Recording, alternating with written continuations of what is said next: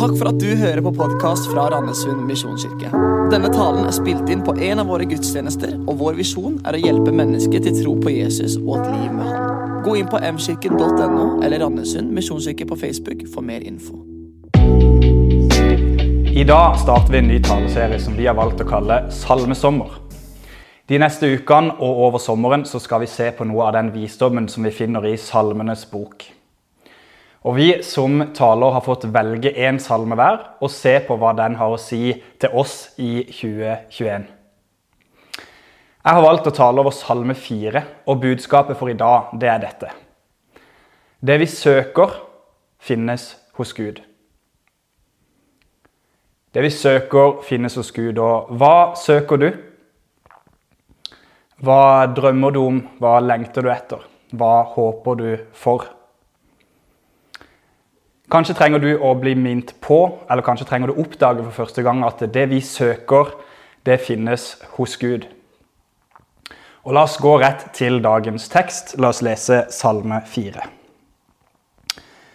Til korlederen med strengespill, en salme av David.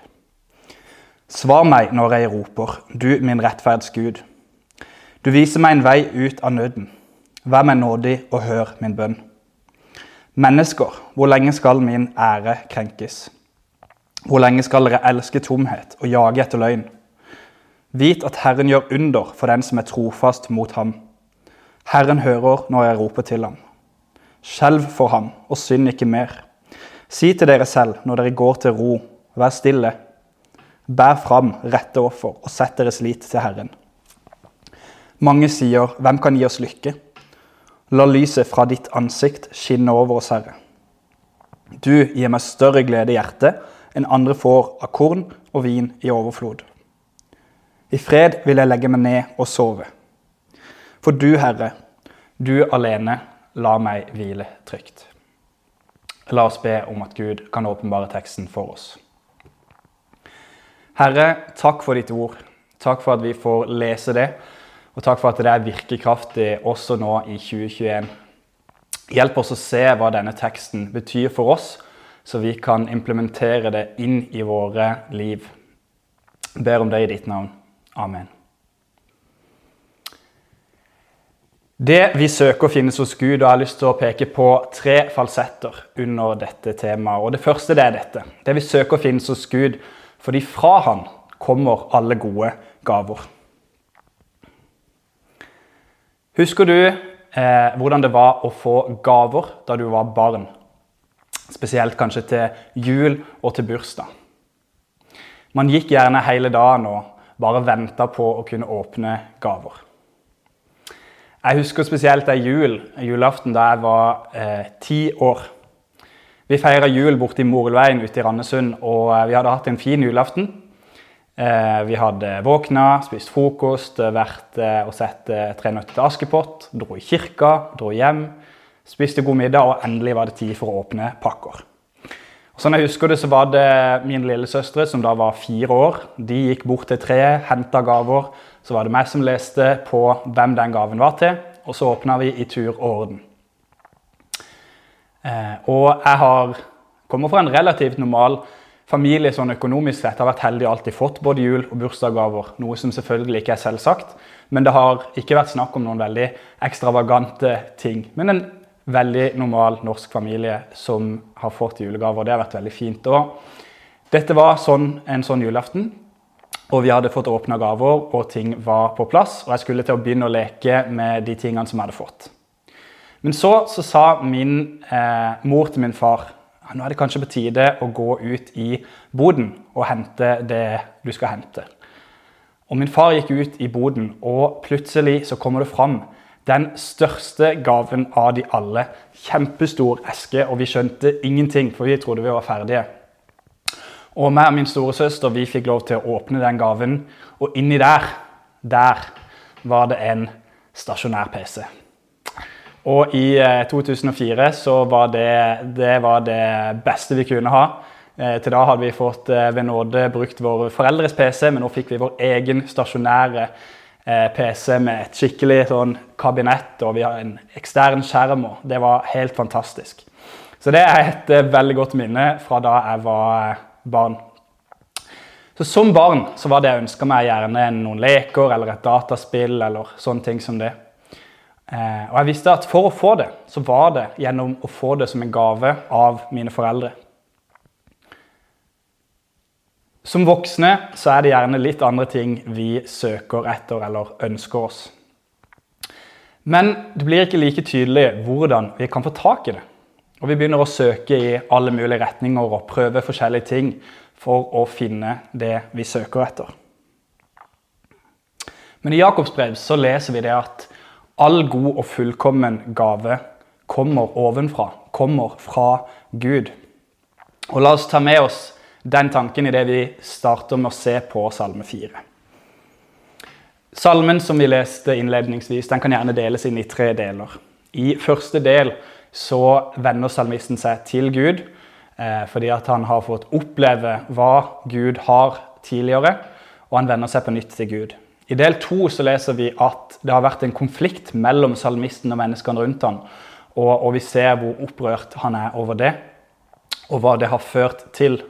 Og I del tre så ser vi at eh, hva salmisten mener vi får når vi venner oss til Gud. Men la oss begynne med del én. Jeg skal lese vers to på nytt. Svar meg når jeg roper, du min rettferds Gud. Du viser meg en vei ut av nøden. Vær meg nådig og hør min bønn.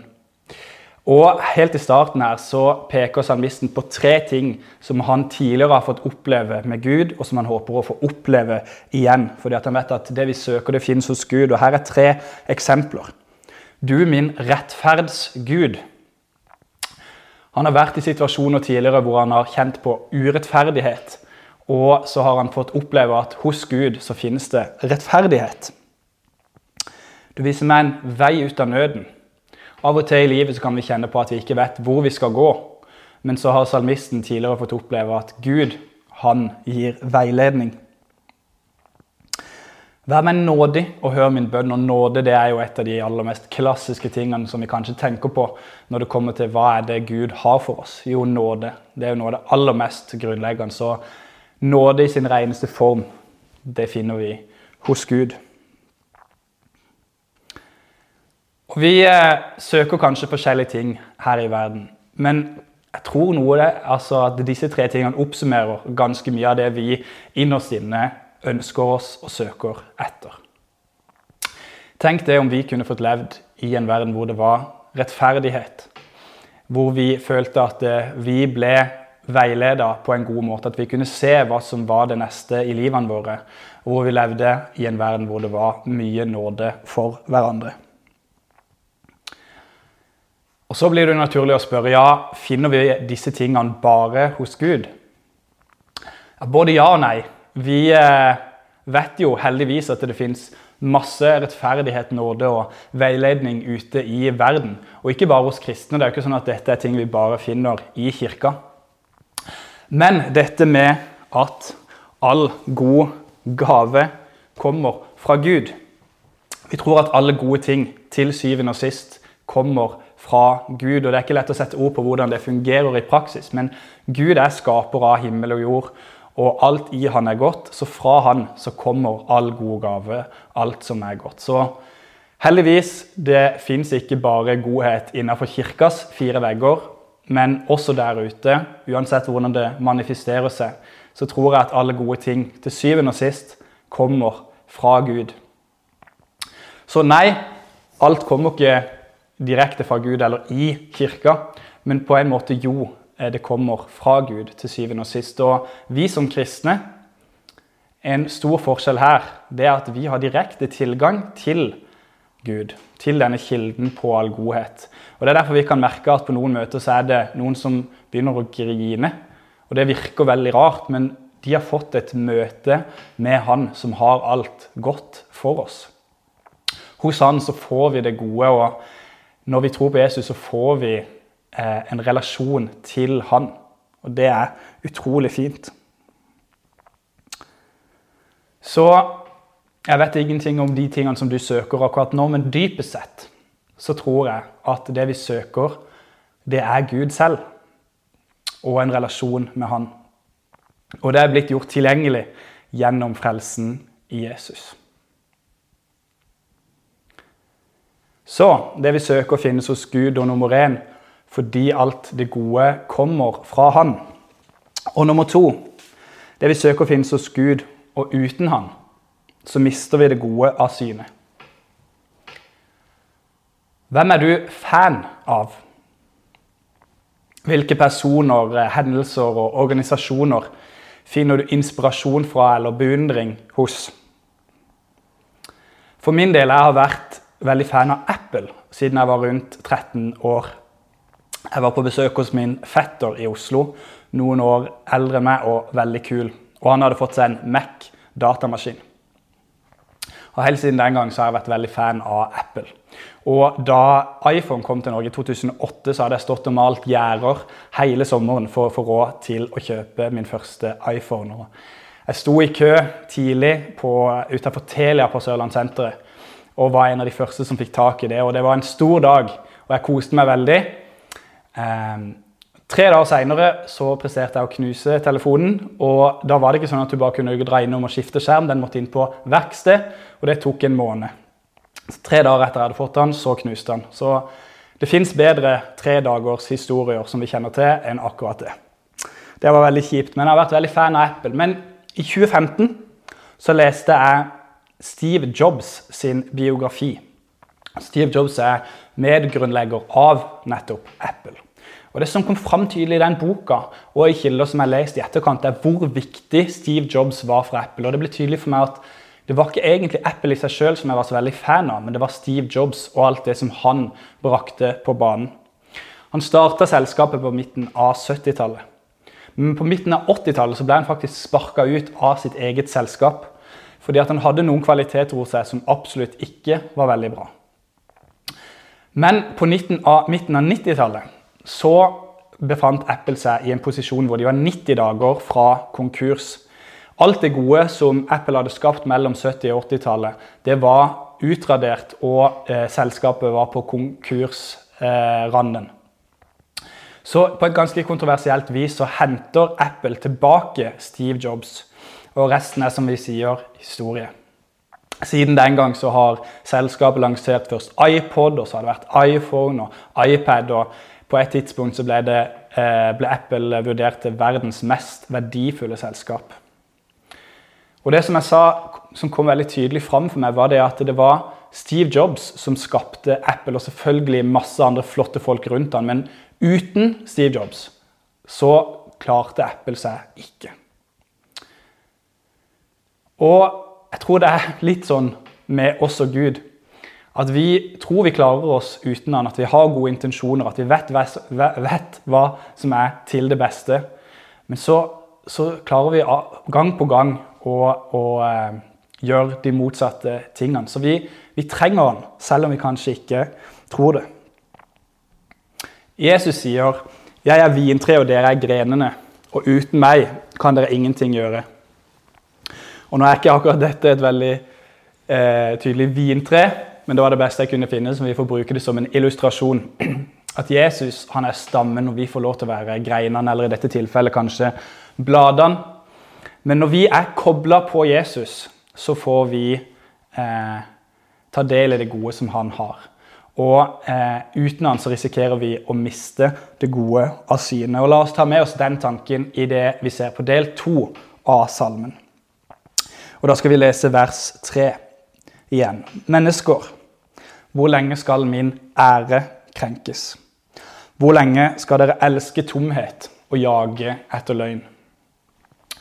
Og Som nevnt så er salmisten i en konflikt med menneskene rundt seg. og Vi får ikke detaljer, men vi skjønner at dette har vært noe som har tæra på denne salmisten. og Han nevner spesielt tre ting igjen. Og eh, Det som vi ser er at disse menneskene har vendt seg bort fra Gud, og det har ført til noen ting, bl.a. dette. Han skriver 'Hvor lenge skal min ære krenkes?' Og ære er jo ikke et begrep som vi fullt ut forstår i forhold til den konteksten det er skrevet inn i, og i Midt Midtøsten og asiatisk kanskje kultur. Ære er et begrep som vi i Vesten ikke helt forstår, men jeg tror vi skjønner litt av hva det betyr. Men krenkelse, hvor lenge skal min ære krenkes, det er jo et ord som er mer aktuelt enn noen gang. Og noen vil jo si at det til og med er et overforbrukt ord, og det har nesten mista noe av sin mening. Man blir krenka opp og ned og i mente og på vegne av andre og alt som er. Men samtidig så er jo krenkelse et veldig legitimt ord. Det at eh, noen, du får noen til å føle at de er mindre enn det de faktisk er, det er viktig. Å unngå, selvfølgelig. Og eh, her så har vi opplevd, salmisten har opplevd at nettopp det har skjedd. At han har blitt krenka på sin ære. Så det er ett eksempel på ting som vi risikerer uten Gud når vi mister det gode av syne. Hvor lenge skal dere elske tomhet, skriver han. Og Det er et paradoks at eh, når vi søker etter det som skal fylle oss opp, så ender det ofte opp med å skape tomhet istedenfor. Det vi tror skal eh, bety den store forskjellen, det ender ofte opp med å bli uten mening. Og til slutt, hvor lenge skal dere jage etter løgn? I vår søken etter sannhet så ender vi ofte opp, eller av og til opp, med å finne og leve på en løgn. Istedenfor å være enn det, kanskje, eller i samme gate. Så i dagens samfunn så er det jo at alt er relativistisk, og det fins ikke sannhet og løgn. Så hvordan skal vi forholde oss til det? Og paradokset her er at når vi ikke lever, leter etter sannhet eller løgn, så ender vi ofte opp med å leve i løgn. Dessverre. Så dette er tre ting som, som salmisten eksemplifiserer når vi lever uten Gud. Men vi skal være ekstremt forsiktige med å si at dette er ting som bare finnes hos ikke-kristne. Selvfølgelig er det ikke det. Det er nok av kristne som sliter med de samme tingene. Men det vi kan si, det er at disse trekkene ikke finnes hos Gud. Fordi vi tror at alt det gode kommer fra Gud, og alt i Gud, det er godt. Men for vår del så ender vi ofte opp med å kjenne på noen av disse tingene. Og fordi, som vi om da, når vi begynner å tro at alt er relativt, så begynner vi å skape vår egen virkelighet, hvor vi sjøl definerer hva som er godt. Og uten ett øverste, eh, øverste ideal, uten noen som sier hva som faktisk er rett og galt, så ender vi opp med at alt bare blir relativt. Og vi blir våre egne småkonger, hvor vi sjøl bestemmer. Og det er det klart at det blir det konflikter, fordi vi har forskjellige ting som vi verdsetter høyest. Bare tenk når vi skal sitte og se på TV, hvor lett det blir kamp om fjernkontrollen. Om hva vi skal se. Eller hvordan et kommentarfelt på nettet hadde utvikla seg uten en moderator. Vi har så lett for å skape konflikt. Og vi setter forskjellige ting høyest, så da blir det naturligvis konflikt. Den eneste måten å løse det på, det er å innse at det er noe som er det høyeste, og tilbe det. Istedenfor å tilbe alle andre ting. Gud med liten g, så må vi tilbe Gud med stor G. Og så tror vi at de tingene under de vil moderere seg naturlig. Når vi søker det høyeste, så vil de andre tingene moderere seg naturlig. Så når vi søker Gud, så får vi se det gode. Og uten Han så risikerer vi å miste det gode av syne. Så det vi søker, finnes hos Gud fordi at i Han, eller fra Han, så får vi alt det gode, og uten Han så risikerer vi å miste det gode av syne. Og nummer tre, det vi søker, finnes hos Gud, for i Han så får vi ta del i det gode. Har du vunnet noe? Husker du hvordan det føles? Om det er i idretten, på en basar eller kanskje en konkurranse på sosiale medier. Da jeg var fire år i 1998, så hadde vi norgesferie hvor vi eh, kjørte opp til eh, utsida Trondheim, hvor vi skulle på et familiebesøk. Og Fina bensinstasjoner de hadde en konkurranse den sommeren. Jeg vet ikke om du klarer å huske at det var noe som het Fina bensinstasjoner. Men de hadde en konkurranse hvor du kunne dra innom de forskjellige bensinstasjonene og få et stempel. Og Jo flere stempler du hadde, jo større mulighet var det for å vinne konkurransen. Så naturligvis, når vi var på norgesferie, så stoppa vi på alle bensinstasjonene vi kom over, og fikk tak i et stempel. For vi syntes dette var veldig gøy med denne konkurransen. Og Da vi kom hjem, så hadde vi over 20 stempler. Men da satte min far seg i bilen og kjørte tur-retur Oslo bare for å skaffe flere stempler. Så vi endte på 34 stempler. Og det var utrolig, utrolig gøy. Og I september i det året så banka det på døra. Og da kom de med premien. Vi hadde vunnet.